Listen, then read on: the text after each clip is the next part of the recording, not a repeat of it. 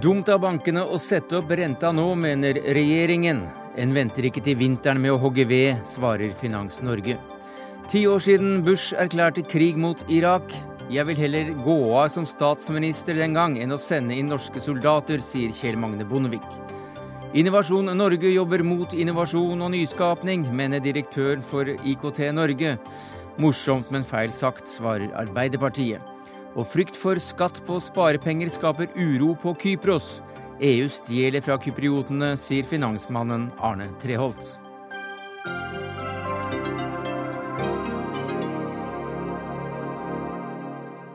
Ja, Det er noen av sakene i Dagsnytt 18 denne tirsdagen, der vi også får med oss Kari Svendsen og markerer at Klubbsju får egen dokumentarfilm nå som de feirer 50 år. Men vi starter ikke med de gode vibbene derfra, men det skal dreie seg om bank, finans og høyere renter. Og det sa statsministeren om bankenes renteforhøyelser tidligere i dag. Det er ikke noe grunnlag for å heve renten med henvisning til regler som regjeringen ikke har lagt fram ennå. Man må jo nesten se de reglene, og så får man vurdere dem. Finansnæringens dag. Statsministeren snakket. Flere banker har altså satt opp renta. Morten Søberg, som statssekretær i Finansdepartementet, så får du nesten fylle ut statsministeren resonnement her. Ja, det som er i ferd med å skje, er jo at vi skal i løpet av våren gjøre fremlegg for Stortinget om skjerpa kapitalkrav. Vi skal øke minstekravene til egenkapital i bankene. Det det handler om, er jo på sett og vis at alle banker skal opp på, opp på Dovre, på et nytt platå. På Dovre? Ja, et fast, fast punkt, fast basis, et solid gulv. Det kommer jeg til. Fordi Hovedpoenget er at de aller fleste bankene er allerede der. De har nok soliditet, har nok egenkapital, vil ikke bli påvirka av de nye kravene. Det som er i ferd med å skje, er at vi skal derimot stille krav som gjør at de største bankene må sjølstyrke seg noe. Vil få god tid, gode arbeidsforhold til å gjøre det. Så de på sett og vis har kommet nesten opp. Det er den siste korte marsjen opp som, som, som står igjen. Og for å komme helt opp, så setter de opp renta. Er det så rart, da? Eh, vel, det er jo opp til hver enkelt bank å måtte prise sine utlån osv. Men, ja, men dere kritiserer ja, jo disse bankene ja, for det? Det gjør vi fordi alt nå så har bankene, de største bankene så god inntjening, løpende inntjening, at det er fullt ut mulig å tilfredsstille de kommende kapitalkravene ved å sette til side overskudd og selvstyrke seg på det settet. Så er det selvsagt slik at de store overskuddene som, og den gode inntjeninga som som banker har alt i dag, er jo en funksjon av at låntakerne betaler nok. god rente, og nok i og for seg, ja. Men Hva sier du til det, Idar Kreutzer, ja. administrerende direktør i Finans Norge? Vet du hva, altså, jeg syns dette er på grensen til å være uryddig. Jeg må si det. Er det uryddig, eller er det på grensen? Ja, nei, altså, Jeg er veldig nær ved å si at dette syns jeg er uryddig. Og det, og det, er jo ganske sterkt vet du, i forhold til, til et departement som er kjent for, for ryddighet i, i kommunikasjonen og hvordan man fremstår. Nå har vi omtrent hver eneste dag de siste året fått entydige og sterke signaler om styrking av kapitalbasen i bankene. Vi har sagt at det er vi enig i. Vi er enig i at kapitalen skal styrkes. Vi er enig i mer likviditet, og vi er enig i at robuste banker er bra. Dere er ikke enig i at men, det er kritikkverdig å sette opp renta nå? Ikke sant. Men, men vi har vært ultratydelige på at vi må redusere utbytte, vi må holde tilbake overskudd, vi må øke lønnsomheten gjennom å øke effektiviteten, og vi må sette opp renten noe for å få til dette. Når vi har sagt det, så har vi blitt beskyldt for å syte. Men det som skjer nå, er akkurat det vi har sagt at kommer til å skje som en konsekvens av styrkingen av kapitalbasen. Men hva er det som er så uryddig her, da? Det uryddige er at det alle vet, og alle forstår, at det er en konsekvens av å styrke kapitalbasen. Det gjennomfører vi nå. Renta. Renten er en del av dette. Mm. Det er det vi snakker om. Dette er en burden sharing. ikke sant? Og, og, og, det å da kritisere bankene for at vi nå gradvis gjør en tilpasning som gjør oss i stand til å styrke robustheten, mm. det syns jeg da er på grensen til å være uryddig.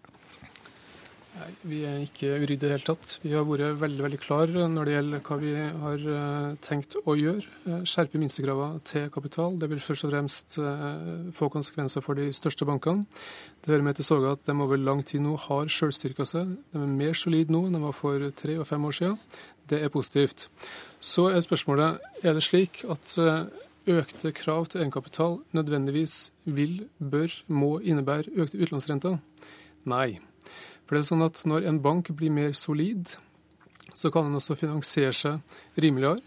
Og eierne sin avkastningskrav til egenkapitalen vil gå ned fordi banken er mer solid, mer sikker. Mm. Så det er ingen automatikk her. Som, ja, la oss høre ja. Altså Begrunnelsen får du jo nå for at det ikke er nødvendig å sette opp renta. Ja, altså, du vet at For det første, eh, bare for å ta eh, noen av elementene i dette. Eh, det er kravet om lengre Eh, innlån. Vi skal ha mer langsiktig innlån. Det koster mer penger. Vi er enige at det er riktig, men det koster mer penger. Vi skal ha mer likviditet. Det koster penger. Og vi skal ha mer kapital. Eh, det koster penger. Eh, så er det riktig som Søberg sier, at dersom bankene fremstår som sterkere, altså mer robuste i internasjonale kapitalmarkeder, så får man betalt for det gjennom lavere risiko. Mm. Eh, men det som er kommunisert fra norske myndigheter, eh, er at risikoen i Norge er høyere. Eh, man ønsker f.eks. å sette opp de såkalte boliglånsvektene kraftig. To, til, to til tre ganger så høyt som det vi ser i Sverige. Da fremstår norske banker som svakere, og vi får det motsatte av den effekten Morten Søberg nettopp beskriver. Jeg skjønte ikke helt hvorfor det hadde med norske renter å gjøre, men eh, det er sikkert bare jeg som ikke følger helt med i timen når det gjelder eh, begrunnelsen her. Men du hører jo her at regjeringen også helt klart mener at det å sette opp renta, mm. det er ikke nødvendig.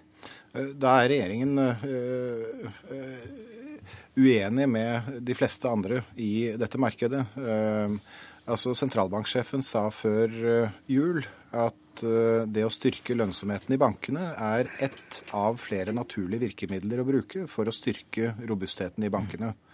Eh, bankene tar ned kostnadene sine for å styrke lønnsomheten, og man øker marginene forsiktig for å øke lønnsomheten.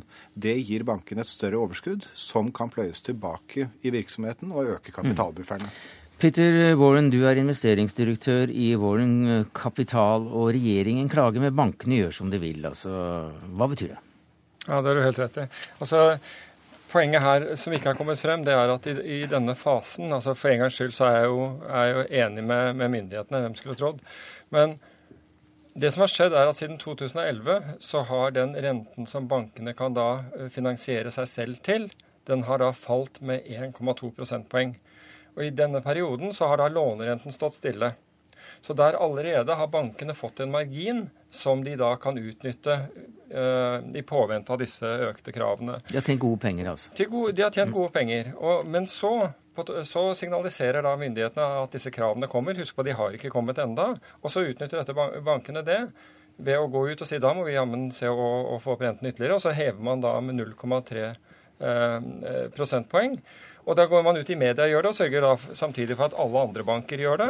Tilfeldigvis gjør alle det. Um, konkurransemyndighetene burde egentlig se på den, den siden, hvilket de tilsynelatende ikke gjør. Men, men, forskjellen her er da 1,5 prosentpoeng. Fra, fra, det, fra, det, man låner inn til. Så du kan si det er allerede tatt høyde for. Og det er ikke noe, et argument for at ikke bankene skal styrke til egenkapital. Det tror jeg vi er alle enige om, men her, man, mm. her tar man i begge ender. Nei, altså, For det første bare til, til eh, Warrens sammenligning. Vi kommer jo fra en situasjon hvor eh, rentemarginen på boliglån i Norge i fjor vinter var, lå rundt null. Uh, alle må forstå at det ikke er en stabil situasjon over, uh, over tid. Uh, og innlånsrenten svinger veldig, og, og, det har den gjort. det er helt riktig. vi må ha en noe større stabilitet i, som ligger til grunn for bankene. Eh, når det gjelder eh, hele spørsmålet om at regjeringen kommer med sine detaljerte løsninger eh, i løpet av noen uker, så ligger det i dette at det blir en styrking av kravene til kapital. Og som du nevnte i din innledning, man venter ikke til vinteren med å hugge ved. Ja, det var et sitat fra deg. så ja, dette, er, dette er langt det, dette er, Vi vet hvilken retning det kommer, og vi tar mm. gradvise tilpasninger for å mm. styrke muligheten. Altså, mitt argument er at dette har man tatt høyde for. Men, men la, la, oss se på markedets dom på dette. Mm. Og markedets dom var det at den dagen hvor DNB, altså de etterfølgende dager da DNB uh, velger å sette opp renten med 0,3 uh, prosentpoeng, så stiger verdien av selskapet på børsen med 8,3 milliarder kroner. Det skjer ikke fordi du akkurat har fått kostnadsdekning, det kan jeg love deg. Eh, nei, altså Poenget er at norske banker har vært priset til 0,7-0,8 eh, ganger bokførte verdier, mens svenske banker har vært priset til 1,2 og 1,3 pga. regulatorisk usikkerhet i Norge. Eh, det du har sett nå er en, en, viss korreksjon for å fjerne noe av den usikkerheten, fordi man nå begynner å få større sikkerhet. Men la nå det fare for våren til slutt. Du kritiserer også regjeringen, som du jo mener har en del av skylda her. Jo, men altså Regjeringens signal, og det ble jo nevnt her, det var jo at man, man skulle stramme inn. Eh, og at man skal øke kapitalkravet. Og du kan si at i det øyeblikket Og så sier man at da må bankene få lov å, å, å ta, ta, hensyn til det. På, på, en måte så gikk man ut og nærmest oppfordret bankene til å øke sine marginer. Og så er, har det skjedd at de har økt dem mye mer enn det enn regjeringen er komfortabel med. og Låne, eh, og lånekundene, helt sikkert. Slik at du har nå, Men du har ikke noe maktmiddel mot det. Her er det, her er det halen som logrer hunden. Halen logrer hunden. Takk skal du ha, Idar Kreutzer, administrerende direktør i Finans Norge. Peter Warren, investeringsdirektør i Warren Kapital, og Morten Søberg, statsminister i Finansdepartementet. Så får vi lure litt på hvem som er halen og hunden her, da. Hør Dagsnytt 18 når du vil, på nettradio eller som podkast. nrk.no – dagsnytt 18.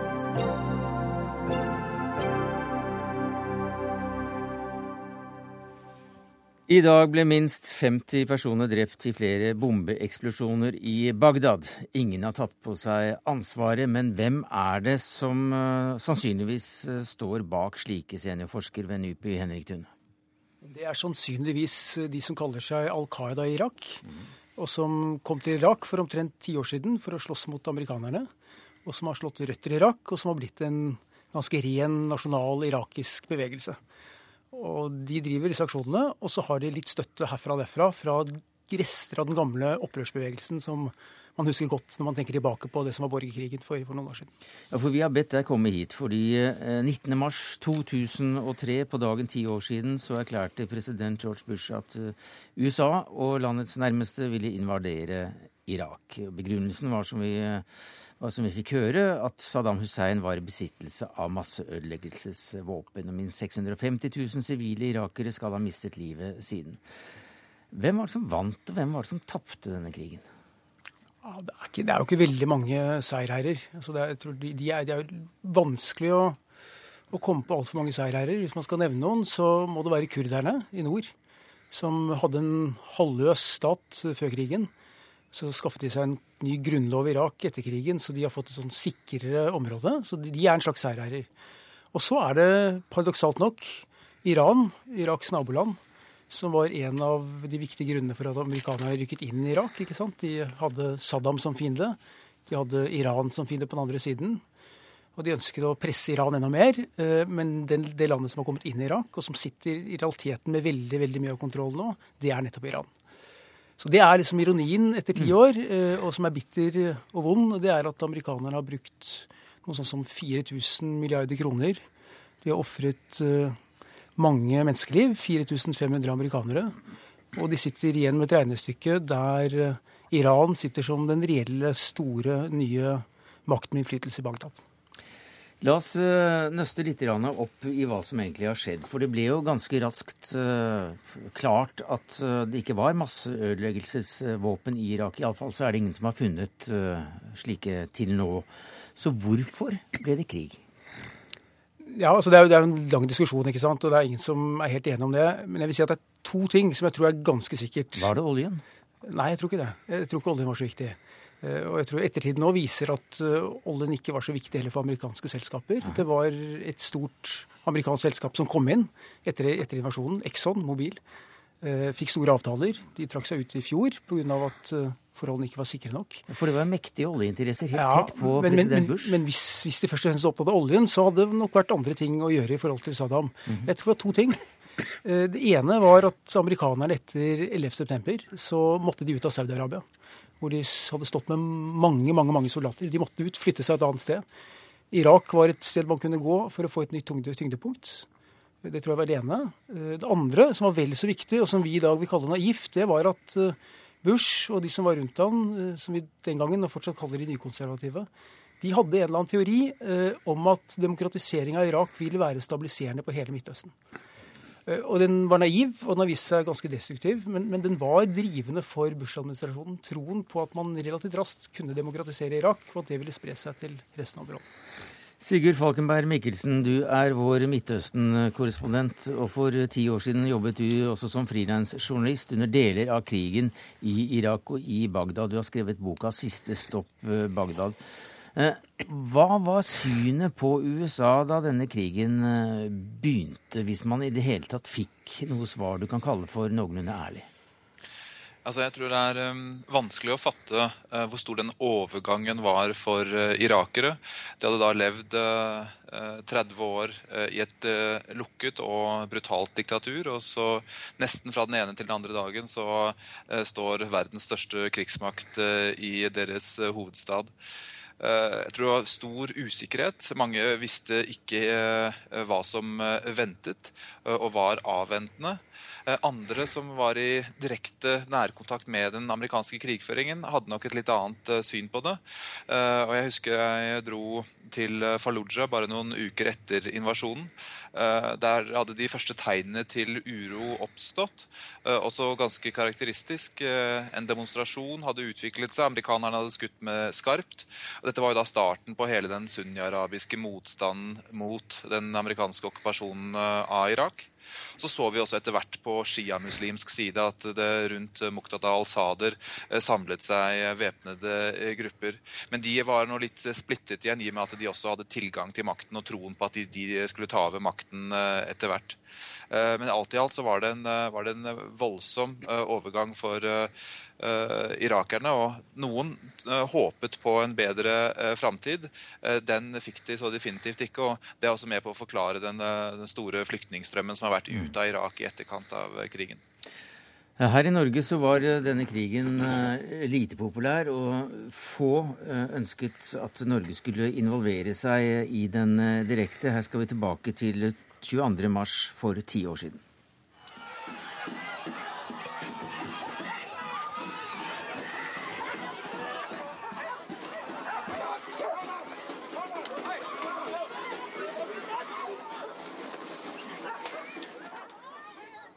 5000 mennesker samlet seg i det som var en fredelig demonstrasjon i Oslo sentrum, utviklet seg til det rene gateslaget mellom demonstranter og politi. Kjell Magne Bondevik, du var statsminister i kongeriket på den eh, tiden. Eh, det var et folkelig engasjement mot krigen, men innad i regjeringen var det ulike syn. Fortell om det.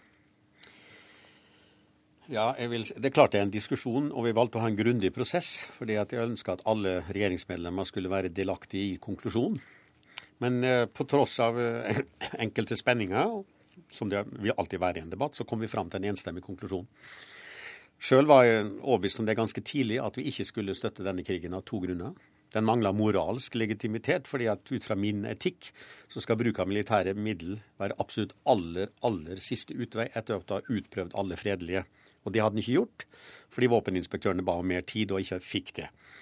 Den andre grunnen var jo at denne krigen ikke hadde mandat fra FN. Og du kan ikke gå til krig på et helt annet sted i verden når du ikke sjøl er angrepet, uten et mandat fra FN, etter mitt syn. Så den mangla moralsk og politisk mandat. Men det var viktig for meg at vi kom ut samla i regjeringa. Jeg tok den tid som var nødvendig.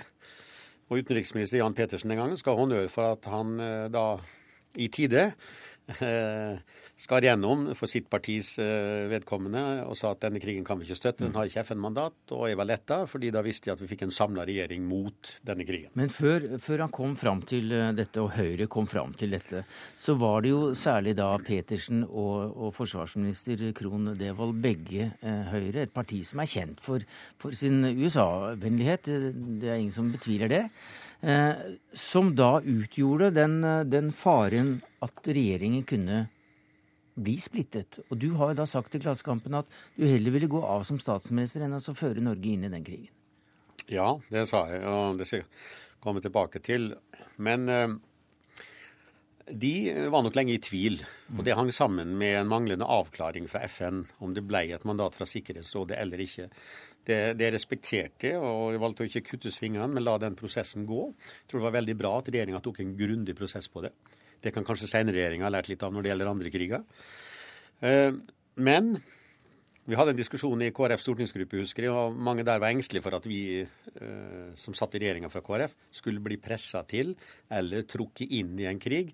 Vi var imot. Og da gjorde det klart. Jeg sa at dette har jeg tenkt ganske nøye gjennom. Skulle den situasjonen oppstå, så tar jeg heller konsekvensen og går av. Nå kom jeg ikke til det punkt, heldigvis. Eh, jeg slapp den situasjonen, men det var jeg beredt til. Men, så KrF-gruppa var engstelig for dette? Det, det, ja, det var noen som var engstelige for det der. Og for å berolige dem, fordi at dette hadde de tenkt igjennom, så sa jeg dette. Eh, så, og det hadde jeg selvsagt tatt konsekvensen av. Men det som kanskje var altså det folkelige engasjementet på ene sida, og det delte de egentlig, men de kunne ikke gå rett ut og si det før regjeringa hadde konkludert. På den annen side hadde vi jo et betydelig press fra amerikanerne. Særlig fra ambassadør Ong her i Oslo. Mm. Hvordan artet det seg? Nei, Han avla mine medarbeidere jevnlig besøk, og sikkert også i Utenriksdepartementet og Forsvarsdepartementet, og prøvde å presse på. Han var et par ganger hos meg. Ja, Hva sa han da? Hvordan faller ordene i slike sammenhenger? Nei, eh, det var jo at uh, det ville være illojalt mot, en, mot våre mektigste allierte hvis ikke vi deltok i denne krigen. Og Ei uke før invasjonen så ringte jo president Bush meg. Mm -hmm. Og jeg skjønte jo eh, før jeg fikk han på tråden hva det gjaldt. Han ville ha oss med. Da hadde regjeringa konkludert, og jeg kunne melde tilbake at uh, sorry, Mr. President. Uh, vi mener at uh, dere har ikke noe FN-mandat til dette. Og så sa jeg i tillegg dette om etikken. At en bruker ikke militære midler før de fredelige er utprøvd, og det er det ikke gjort. Våpeninspektørene ønsker mer tid. Han respekterte det. Han la ikke noe stort press. Han konkluderte tvert imot telefonsamtalen med at uh, among friends there can be disagreements. Okay. Mellom venner kan det være uenighet. Og han inviterte meg til å komme til Det hvite hus når jeg skulle til Washington to måneder etterpå i forbindelse med 17. mai. I den norske kolonien der. Og noe det, din etterfølger ikke fikk invitasjon til? Nei, det tok vel noe tid. Og det skyldes helt andre grunner. Ja. Det skal jeg ikke gå inn på nå. Mm. Men det var klart et betydelig press fra amerikanerne. og... Jeg hadde jo også samtaler med statsminister Tony Blair i England om dette. Jeg har enda mindre egentlig forstått hvorfor han gikk med på dette eh, og støtte amerikanerne. Det som var alvorlig for meg, og som gjorde at jeg var beredt til å gå av, var at jeg mener denne krigen bygde på en usannhet. Altså Hele argumentasjonen, og det måtte det vel være fra deres side, gikk jo på dette med antatt masseødeleggelsesvåpen i Irak. For det var jo det alle FN-resolusjonene gikk ut på, at eh, Irak måtte kvitte seg med. Og så lar de ikke våpeninspektørene få den tid de ber om for å finne ut om det er masseødeleggelsesvåpen, men går likevel til krig. Og det, Da skjønte jeg at da har de egentlig andre grunner for det. Tune har vært inne på det. Uh, og en kan ikke bare gå til krig for å få et regimeskifte. Da blir det mange kriger her i verden. Uh, når du ikke sjøl er angrepet eller har et FN-mandat. Så jeg mener denne krigen bygde på en usannhet, og det har gjort meg bare mer og mer overbevist om at det var riktig å stå opp mot den. Det var ikke lett for lederen av et lite Nato-land som Norge, som er så avhengig av gode relasjoner til våre mektigste allierte, å gjøre dette. Men heldigvis var vi ikke alene i Nato, det var jo noen til. Eh, og vi hadde konsultasjoner oss imellom, og det gjorde det noe enklere. Tune, hvordan ser dette bildet ut i dag? Hvordan, hvordan er maktforholdene i, i, dette landet? Bildet er jo trist. Altså hvis, tenk hvis Irak en gang var eh, Eh, sivilisasjonens vugge og Babylon, så, så, er det Det er en stund siden, det. Ja, altså, jo, men altså, hvis det var et sted hvor, hvor, du hadde en slags sånn amalgam av folk som bodde sammen uh, Kjell Magne Bondevik uh, kjenner til kristne grupper. Uh, kan bli urmenigheter, som det fantes masse av i Irak. Mm. Alt det er borte. Så Irak gikk fra å være et samfunn som var politisk sett veldig veldig brutalt, men, men som sivilt hadde en form for sammensveisning, og hvor shia og sunni levde sammen. Det som skjedde i 2003, var at man av den ene eller andre grunnen så fikk man denne riften mellom sjiaer og sunnier. Og som gikk fra å være en politisk rift om makt og penger til å bli en religiøs og ganske infisert, smertefull sak. Og det er der man er fortsatt. Har et regime nå i Bagdad med Maliki som tjener mye penger. De pumper olje som bare det. Nesten like mye som Norge. Ingen av pengene investeres noe særlig i Irak. Det er et slags eh, kleptokrati på mange måter. Familien til eh, de som styrer, bor ikke i Irak. Så liten tillit har regimet der. Eh, sånn at man har ikke greid det som ble liksom problemet i løpet av ganske få måneder, nemlig at den irakiske staten den falt sammen. Og den har man ikke greid å bygge opp. Og før man greier det, så, så er Irak et, et, land uten stat. Og det i seg selv er et problem. Et større problem er at du har en lignende situasjon i, i Syria. Og man har en lignende utvikling også i Libya. Så du får dette elementet av, av åpne, sorte felt, hvor, hvor, hvor, eh, man faller ned på mm. samfunnets grunnvoller. Og dette viser jo, hvis jeg bare får skyte det inn, hvor vanskelig det er å gå militært inn og tro en liksom kan rydde opp og skape en ny demokratisk ja. utvikling i land med en helt annen kultur og etnisitet enn det vi er vant med. Du gikk jo inn i Afghanistan. Ja, vi altså. gjorde det. Og det mener jeg likevel var riktig, fordi at der var det et angrep mot et Nato-land. Og det men, var klart, eh, klart FN-mandat. Men Afghanistan er også for så vidt, i tillegg til de to land Tune nevnte nå, eksempel på det er ikke lett å skape en helt ny demokratisk utvikling. Men det er altså i et område der det har vært en slags positiv utvikling, og der er vel du nå, Espen Gran, som landdirektør for Norsk Folkehjelp i Irak. For du er i de kunstkurdisk kontrollerte områdene i nord. Og hva sier folk der om det som skjedde for ti år siden?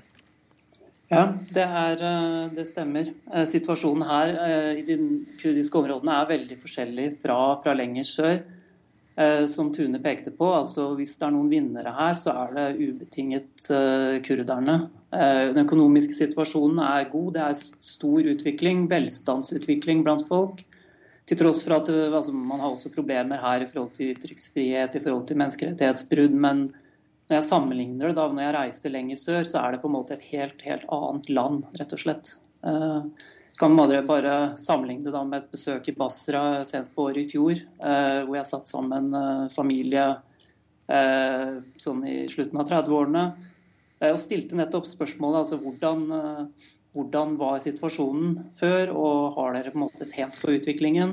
De peker da på først alle de problem, problematiske sidene, altså manglende økonomisk utvikling for folk flest, til tross for oljerikdommen ineffektivt styre, korrupsjon, dominans av konservative religiøse partier, Irans enorme innflytelse, vanskelig situasjon for kvinner osv.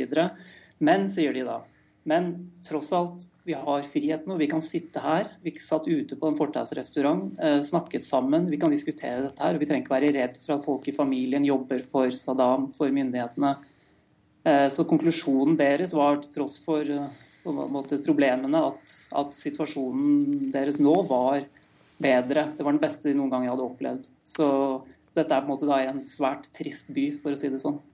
Da tar vi med det positive elementet helt til slutt. Eh, takket være deg, Espen Gran, landdirektør for Norsk Folkehjelp i Irak. Takk skal du ha, Henrik Tune, seniorforsker ved NUPI, Kjell Magne Bondevik her som tidligere statsminister i Norge, og Sigurd Falkeberg Mikkelsen, vår mann i Midtøsten.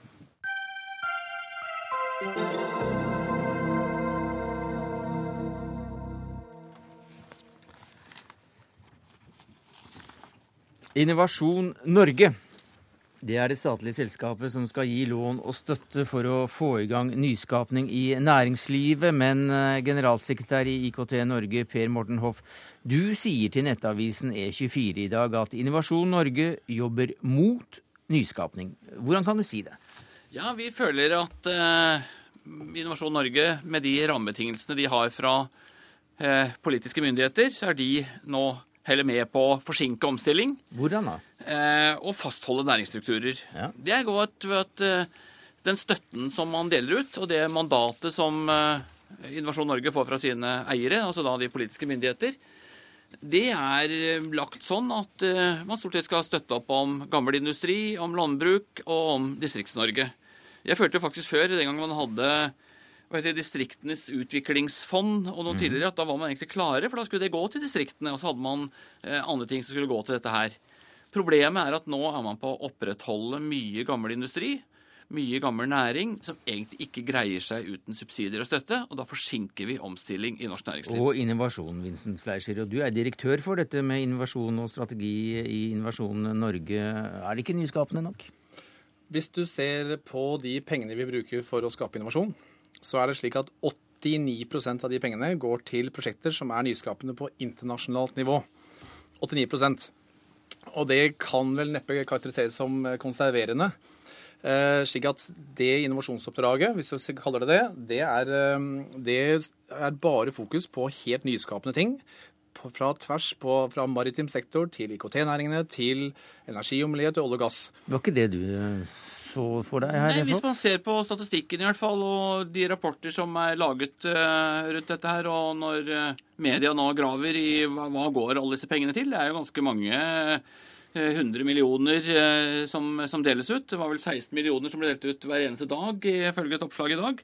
Så, så da må man gå etter. Og vi lurer litt på hva er egentlig suksesskriteriet for å drive innovasjon. Norge stuper jo på OECDs ranking over innovasjon. Mm. Ja, det som, er, det som er viktig der, er at eh, vi har grovt sett tre oppdrag. Vi har et innovasjonsoppdrag som handler om å finne de mest lovende prosjektene i Norge. Som også får nesten 90% av pengene. Som, som, er eh, nettopp, som er veldig gode, og som jobber, da, som jobber, med internasjonalt over hele jorden. Og så har vi et distriktsoppdrag som handler om å utvikle distriktene. Hvor vi også jobber med nyskaping og innovasjon i virksomheten der. Eh, og så har vi et landbruksoppdrag som ikke har til hensikt å skape nødvendigvis nyskaping som primærmål, men der er hensikten å skape utvikling i jordbrukssektoren og øke investeringsnivået og utvikle den næringen. Men det er på en måte et oppdrag med på det premissene. Mm. Var det oppklarende, Hoff? Nei, jeg syns ikke det. Altså, man kan jo bare se på noen av de største satsingene som Innovasjon Norge har gjort de siste årene. da.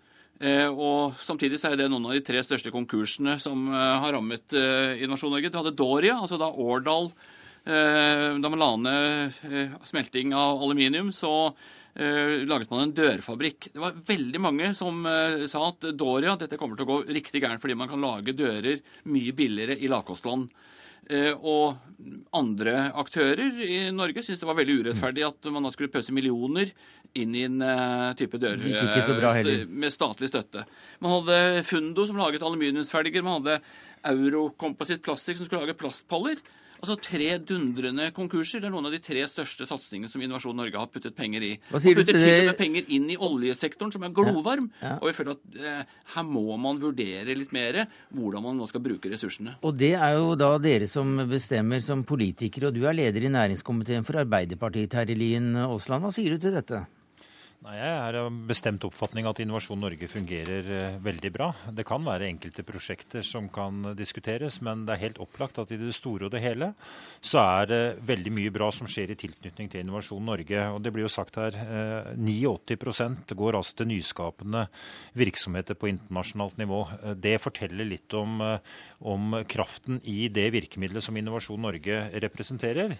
Og så tror jeg vi skal legge også til grunn at uh, når Verdensbanken nå gjør kåring om uh, hvilke land det er godt å drive næring i, så kommer altså Norge svært høyt opp. Vi kommer på sjetteplass. Og så tror jeg også de lange linjene i norsk uh, økonomi vises best gjennom den sysselsettingskraften som er i norsk næringsliv. Norsk næringsliv er egentlig veldig mm. fantastisk. Og det skyldes bl.a. også da Innovasjon Norge. Jeg, jeg, er ikke helt enig i, eh, i det. Jeg, jeg, tror man kunne fått mye mer innovasjon ut uh, ved at man nå begynner å bli litt mer nytenkende. Jeg vil ikke skyte på Innovasjon Norge. Jeg vil faktisk skyte på uh, politikerne på Aasland og hans kolleger i regjering og, og på storting. Som, som, ikke har greid å se at Norge må, må omstilles. Altså, Vi kommer til å tape enten vi liker det eller ikke, og det, det er veldig trist. Vi kommer til å tape gjennom tradisjonell industri, råvareproduksjon, fordi at man kan gjøre det billigere i mange andre land. Olje er jo et godt uh, unntak enn så lenge. Men, Men Osland må nesten svare på det. Ja, det er veldig uenig med Hoff. fordi at Hvis vi tar den maritime satsinga som skjer i Norge, hvor en skal vi si, er i front når det gjelder ledende teknologi, hvor også IKT er en sterk inkluderende uh, faktor. Vi ser på teknologiløsninger i fastlandsindustrien vår. Jeg har snakka nå med, med, med Alcoa, som posisjonerer seg for å eh, ta framtidig vekst i aluminiumsproduksjon Eh, i Alcoa-systemet i Norge. Vi så og hørte at Hydro vil investere igjen i, i, Norge. Så kan vi ta helse- og omsorgssektoren, vi kan ta romfartssektoren, vi kan ta forsvarssektoren. Alle områdene er vi i tet. Vi ligger helt framme. Takket være Innovasjon Norge. Innovasjon Norge er en viktig mm. medspiller for norsk næringsliv. Og jeg er veldig glad for at uh, også Innovasjon Norge har den breddeporteføljen de har. Hoff, Hoff må slippe til her. Du sitter i Porsgrunn, så jeg må nesten avbryte. Det er litt brutalt her. Osland? Men dette blir litt feil. Altså Maritim næring er jo blant de næringene som mottar desidert størst subsidier, og de betaler jo nesten ikke skatt. Du har eh, da aluminiumssmelteindustrien, eh, eh, som har det samme. Og man vil jo her gå nå At Hydro vil gjøre comeback i Norge, er jo takket være at man gir gavepakke med CO2-avgift og sier at vi heller får slippe ut masse CO2 i, i Norge. Og man slipper elavgift, mens da f.eks. hvis man ville bygge et datasenter Eh, som ville bruke grønn strøm og ikke slippe ut noe CO2, eh, så mm, får de ingen mm. subsidier overhodet. Det, det, dette, er jo områder hvor vi, er hvor vi jobber aktivt. Vi jobber jo med dat, grønne datasentre. Og hvis du spør, og vi jobber med masse IKT, som er den sektoren du representerer, innenfor helsesektoren, innenfor maritim sektor, innenfor veldig mange sektorer. Og hvis du lurer på hvem hva er det største programvareselskapet i Norge? Jo, det er Kongsberg Gruppen. Og de jobber med olje og gass, maritim sektor, uh, subsea, uh, forsvar osv. Så, videre. så det som er viktig nå, er at vi jobber bredt ut tvers, på tvers av sektorene, også i, mm. på tvers av landet. fordi at det som er spennende, er å ta bruk IKT-næringen inn i de ulike næringene som, som Norge er god på. Her får du en vi... sukkerbit ved at man satser også masse på IKT. Du er jo sjef for det hele. Ja, det er, og det er veldig flott. Og Kongsberg har masse flotte bedrifter. Vi har masse flotte bedrifter i Norge, men de aller fleste har aldri fått en krone i støtte fra Innovasjon Norge. Det, det er ikke sant. Eh, og, og det vi også skal være klar over, det er at hvis vi har et næringsliv som ikke greier seg uten subsidier, om de som også så, så er vi i ferd med å, men det, å, men, å, sette oss inn i et hjørne. Og det tror jeg er veldig alvorlig. Altså, omstill, Norge må også omstille seg. Vi må innse at vi er et høykostland, og det er kompetanse vi kommer til eh, å leve av i årene fremover. Og vi tror... vil ha de, eh, næringsliv i distriktene, vi vil ha IT-bedrifter i distriktene, vi vil ha et levedyktig distrikt.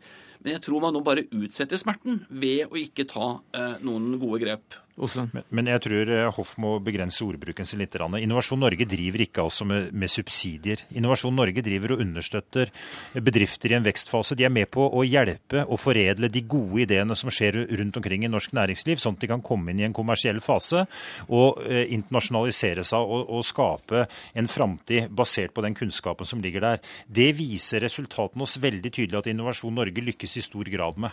Det, det er hovedingrediensen når det gjelder Innovasjon Norge. Så har de andre også oppgaver og oppdrag som jeg er svært tilfreds med at Innovasjon Norge løser. Men det, det IKT Norge gjør, de prater ned både sin egen eh, sektor og sin egen mulighet, og ikke minst næringsliv i Norge. Ja, er, det det de gjør, er det det de gjør, Hoff? Nei, Vi er ikke ute etter subsidier. Vi har aldri spurt etter subsidier. Eh, og det man skal være klar over her, det er at Innovasjon Norge er jo et virkemiddel. Innovasjon Norge er et virkemiddel for regjeringen. Og jeg føler at man benytter nå det virkemiddelet feil ved at man ikke ikke setter innovasjon i sentrum. For det er jo nettopp det Innovasjon Norge skal drive med. De har masse dyktige folk. Vi har fått masse hjelp av Innovasjon Norge og har masse gode samarbeidsprosjekter. Men det er politikken som er Og det er bare å se på hvem som sitter i styret i Innovasjon Norge. Det er de tradisjonelle, gamle næringene. Derfor kuttet også styret så at nei, vi skal ikke satse på IKT, for det er liksom det er overalt. Det greier vi ikke å ta i. Men akkurat IKT-satsingen for uh, Innovasjon Norge, den tar vi en annen gang. Men takk skal eh, du ha, Per Morten Hoff, generalsekretær i IKT Norge. Vincent Fleischer, direktør for innovasjon og strategi i Innovasjon Norge. Og til deg, Terje Lien Aasland, leder i næringskomiteen for Arbeiderpartiet.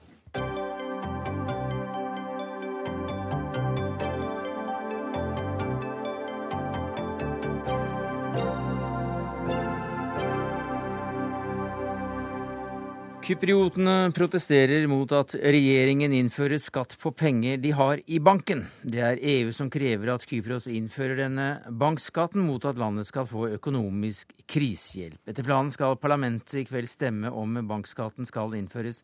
Kjersti Haugland, du er seniorøkonom i DNB Markets. Hvorfor krever EU denne skatten?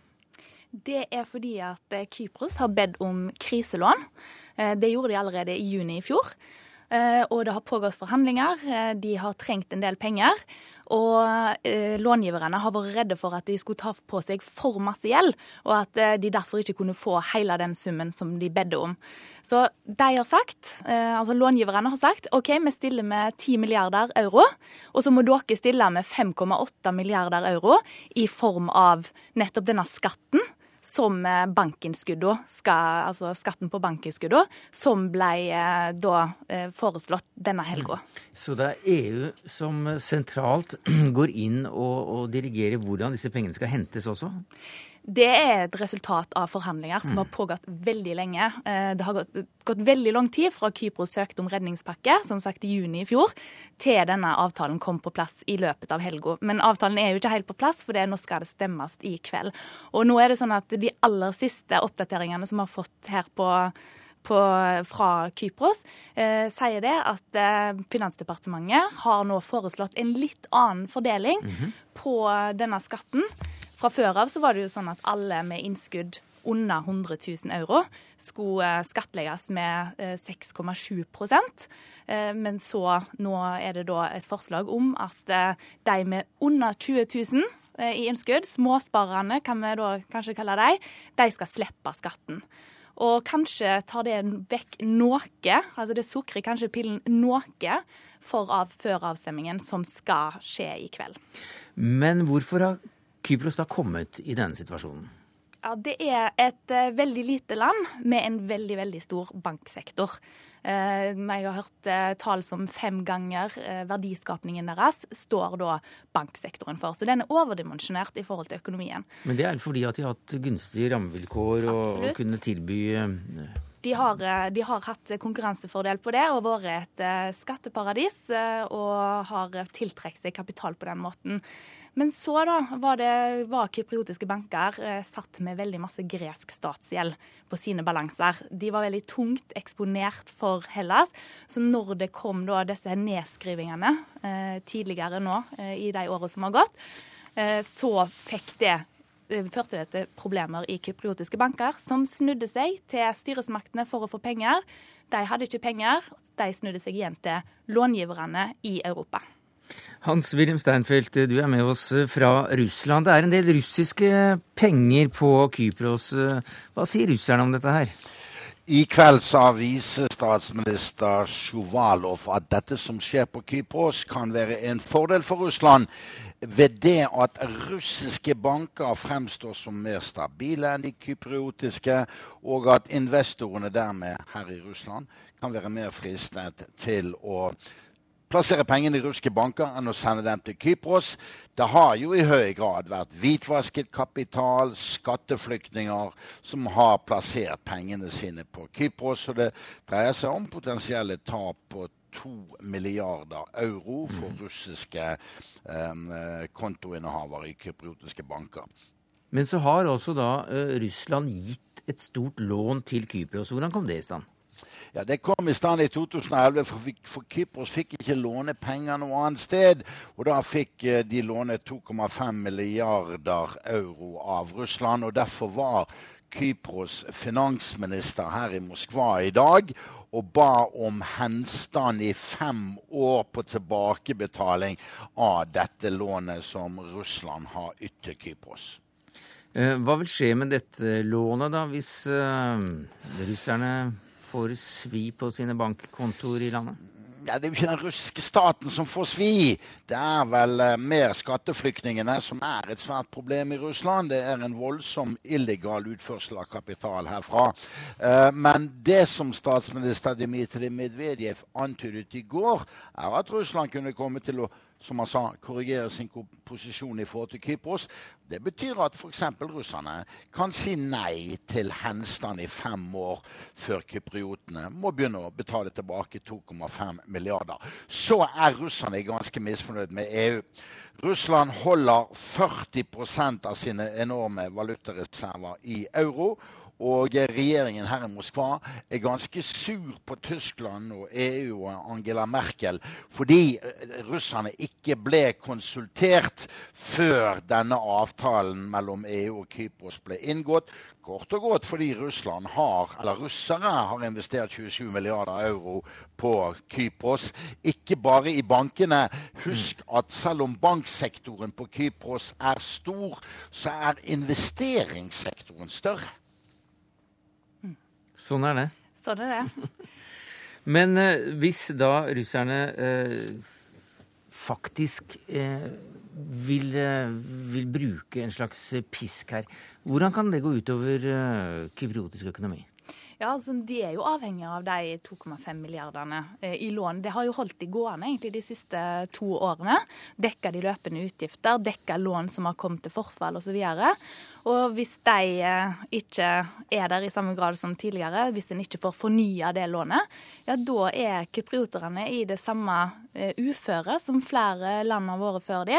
Hellas er jo det grelleste eksempelet. Nå er ikke Kypros Hellas. Uh, Kypros har ikke så høy statsgjeld som Hellas f.eks., og ikke en så skakkjørt økonomi som Hellas. Men likevel, det er elementer her. Og da må de kutte kraftig. Eh, og en må da regne med at eh, bankene, eh, iallfall noen av de, går over ende. Ja, hva slags løsning kan til slutt komme her? da? Vi hører jo nå at denne løsningen som er foreslått med å gå inn og skattlegge bankinnskuddene, er veldig veldig populær, og vel er er eh, styresmaktene nyvalgt der, slik at det går an å vente en del til neste valg, men allikevel, dette er ikke populært? Det er absolutt ikke populært. De våkna opp fra en dag til en annen og fikk da vite at innskuddet deres eh, skulle skattlegges. Og det er mildt sagt ikke en normal måte å, å kreve inn skatt på. Det har aldri skjedd i EU før, i EU sin historie. Eh, og de, styresmaktene er jo veldig klare på at dette er et engangstilfelle. Dette har med Kypros sitt helt spesielle bankvesen mm. å gjøre. For nå er jo frykten det at eh, inn, altså innskuddsskytere i andre europeiske banker frykt, eh, kommer til å frykte at det samme kan skje i andre land. Og at en da får et sånn rønn på bankene, at folk stiller seg i kø og vil ha ut pengene sine. Og det er på en måte det verste vi kan tenke oss. Russland spiller også en nøkkelrolle her, Stanfield. Putin skal ha meldt sin ankomst, ifølge Hegnar Media. Vet du noe mer om dette? Ja, Det ville forbause meg om Hegnar Media er veldig orientert om det. Jeg ville nærmest betrakte det som utelukket at Vladimir Putin låner sin tid og sitt navn til å reise til Kypros i denne situasjonen. Derimot sa president Putin i går kveld at det Kypros nå er i ferd med å gjøre, er både urettferdig, farlig og uprofesjonelt. Statsminister Medvedev sammenligner lovforslaget i Nikosia med sovjettiden, der man simpelthen konfiskerte folks penger.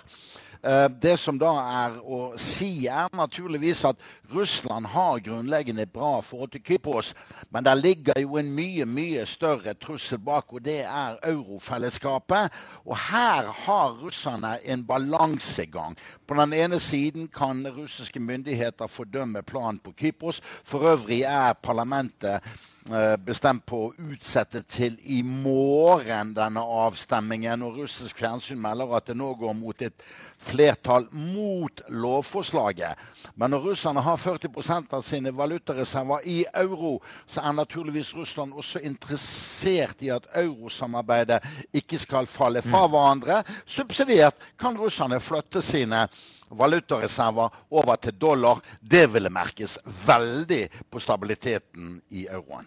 Ja, eh, helt klart. Eh, og det handler jo om til sjuende og sist om Kypros er ei tue som kan velte et stort lass. Altså, Kypros er 0,2% av eurosonen sin samla verdiskapning.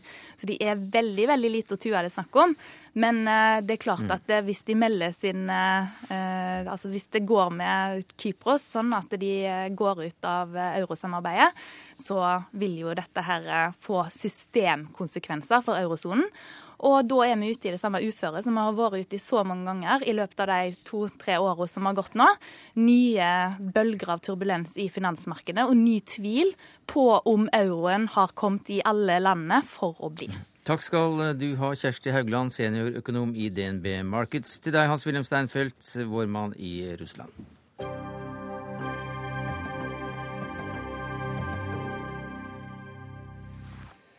Hvis du husker at du har vært på Klubb 7, så har du ikke vært der. Jeg kjenner igjen sitatet. Ja, men, eh, men, du husker at du var innom Kari Svendsen? Ja, jeg husker jo det. Jeg var jo Jeg, jeg drev jo med det som het Vise 7 der. Ja. Vi hadde jo visescenen der. Og så var jeg faktisk kontordame. Jeg var den første kontordama. Ja. Altså det var jo i administrasjon der, men de hadde ikke noe kontordame. Nei. Så jeg var det de første to åra, ja, en stund etter vi kom til Munkedalsveien, da. Ja, For i år så er det altså 50 år siden dette samlingsstedet for eh, radikal motkultur åpnet dørene. Eh, det var teater, det var eh, visekunst, det var galleri. Mm. Og selvfølgelig Bibliotek. den store musikkscenen. Ja. ja. Hvordan havnet du der, så å si, og når var det? Altså, jeg var jo Sprang jo ut på den tiden, for å si det sånn. Ja. Så, og var Lillebjørn og jeg var jo kjærester. Mm -hmm. Og hadde jo da vanka på Dolphins, som var et et eh, vegetar- og, og, et alkoholfritt eh, miljø. Så når vi var gamle nok til å komme oss på klubbsky, syntes vi det var veldig gøy. Men vi, var, vi starta på, på, Kongen når vi var 17, og da fikk vi komme inn eh, Atle Horvath hvis vi lovte å drikke solo. Ja, og det, det var også den ungarske gründeren ja. av hele stedet. Hva slags figur var det, Erling Wiklund, musikermedarbeider i jazzredaksjonen i NRK? Du har fulgt med dette stedet i alle år. Attila var en helt sentral person i det å bygge opp Klubb 7. Og det var en slags far for mm. Klubbsjø. Og den funksjonen den fylte han på en veldig autoritær, men vennlig, varm måte. Han var jo skuespiller sjøl. Han kom altså til Norge ja, 1956, da det brakte som verst i Ungarn og fant et nytt hjem her. Og brakte vel med seg mye av den kontinentale livsstilen, kanskje. Vi lengtet i hvert fall etter noe slikt her hjemme. Mm. Og han, han, ble en veldig viktig figur når det gjaldt å bygge opp en ny musikkultur og en ny eh, amatørteaterkultur, og også altså visekulturen, som, mm. Som du forteller om. Og så tenk på det på den tida her så, så braka det jo løs med, med, vestlig musikkinnflytelse til de grader, av rock og jazz og alt fra Som vi også hadde glede av. Men Attila brakte også inn Europa. Så det var, det var veldig mangesidig, den, eh, de konsertene balletten og de folka som ble tatt inn. Det... var alt fra Bolsjoj-balletten til uh, Chet Baker, ikke sant? Og... Det var svære begivenheter. altså ja. Virkelig. Du kunne oppleve virkelig verdensartister på klubbsjuscenen.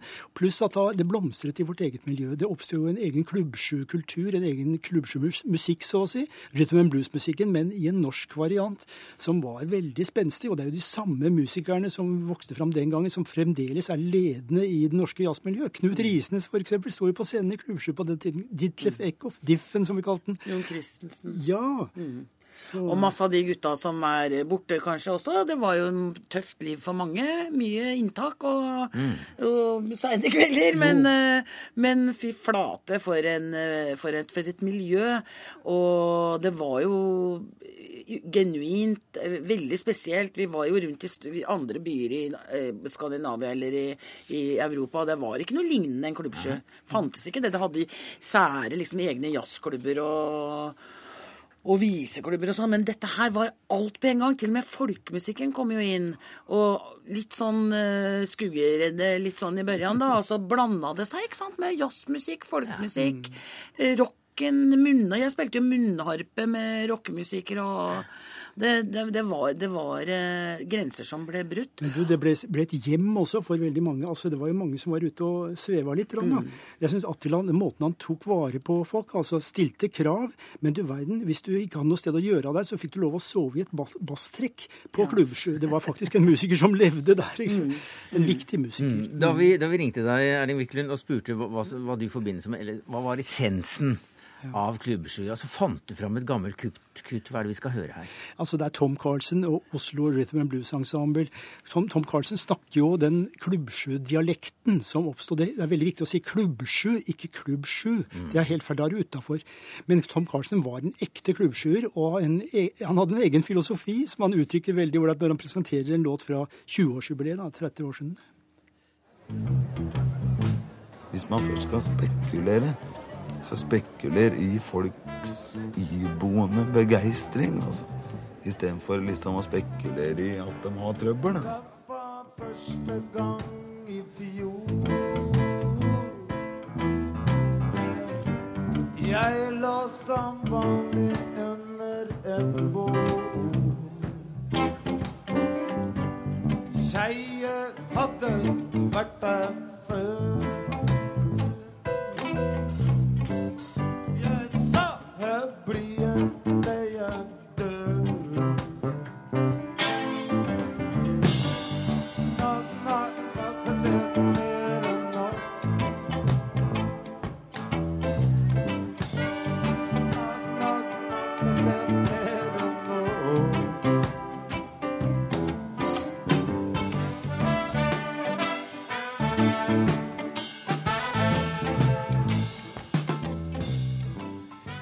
Det var Tom eh, Carlsen, det, som vi hørte også med dette asset. Hva, hva i all verden var det for noe? Altså, jeg Hør her, da. Jeg snakker jo sånn. Eh, ja. altså eh, Altså. eh, Det var vel altså slang, altså Musikantslangen med, med liksom eh, ja, Blekker istedenfor noter og, og, og altså mye sånne, sånn type slang. Det var det faktisk Øystein Ringstad som innførte, som var en eldre fyr enn oss, ti år eldre enn oss, og som var Fantastisk pianist. Fantastisk jazzpianist. Men å være Men så- klubbsjuer, altså det, det, alle var jo ikke klubbsjuer, selv om de var interessert i rytme- og Nei, men, bluesmusikk. nei, men Nei. alle, var, alle, alle klubbsjuere snakka ikke sånn heller, selv Nei, om de kunne være det, altså det som var fint med Klubbsju, var jo blandingen av vestkant- og, og østkantungdom. For det var eh, Det var ikke sånn at du ikke passa inn og sånt noe.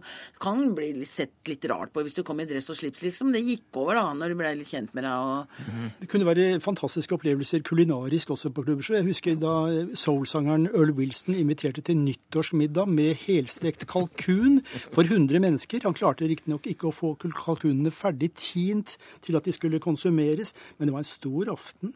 Lang. Og det var mye gode gryter, sånn dagens gryter, og god rødvin og, og hyggelige folk. Men var det så mye rus som det som henger igjen? Det, altså, det, det sies jo at desto lenger inn du gikk i lokalene, så, altså, så du ikke noen for bare røyk, og du ville helst ikke si, se noen, for at de, de så ikke ut. Det der er uh, myte, altså. Altså, Jeg var aldri full på Klubbsjø. Hørte masse flott musikk. Og uh, jeg mener, altså Det var ettersom uh, hvordan man var, men det var plass for alle. Mm. Og folk passa på hverandre. Og, og, og hvis det var noen sånne utskeielser som jeg var jo litt obs på fordi jeg jobba der, så tok vi tak i det, altså. Mm. Så det var ikke noe mer eh, tullball der Mm. enn det var på andre steder. Dokumentarregissør Even Benestad, du sitter og klipper du på denne dokumentaren på, om Klubbsjø. Hva slags dokumentar blir det? Ja, det er en eh, dokumentar om Klubbsju. I eh, ånden som de presenterer det her, vil jeg si. Veldig morsomt å høre på. Hvorfor ville du lage denne?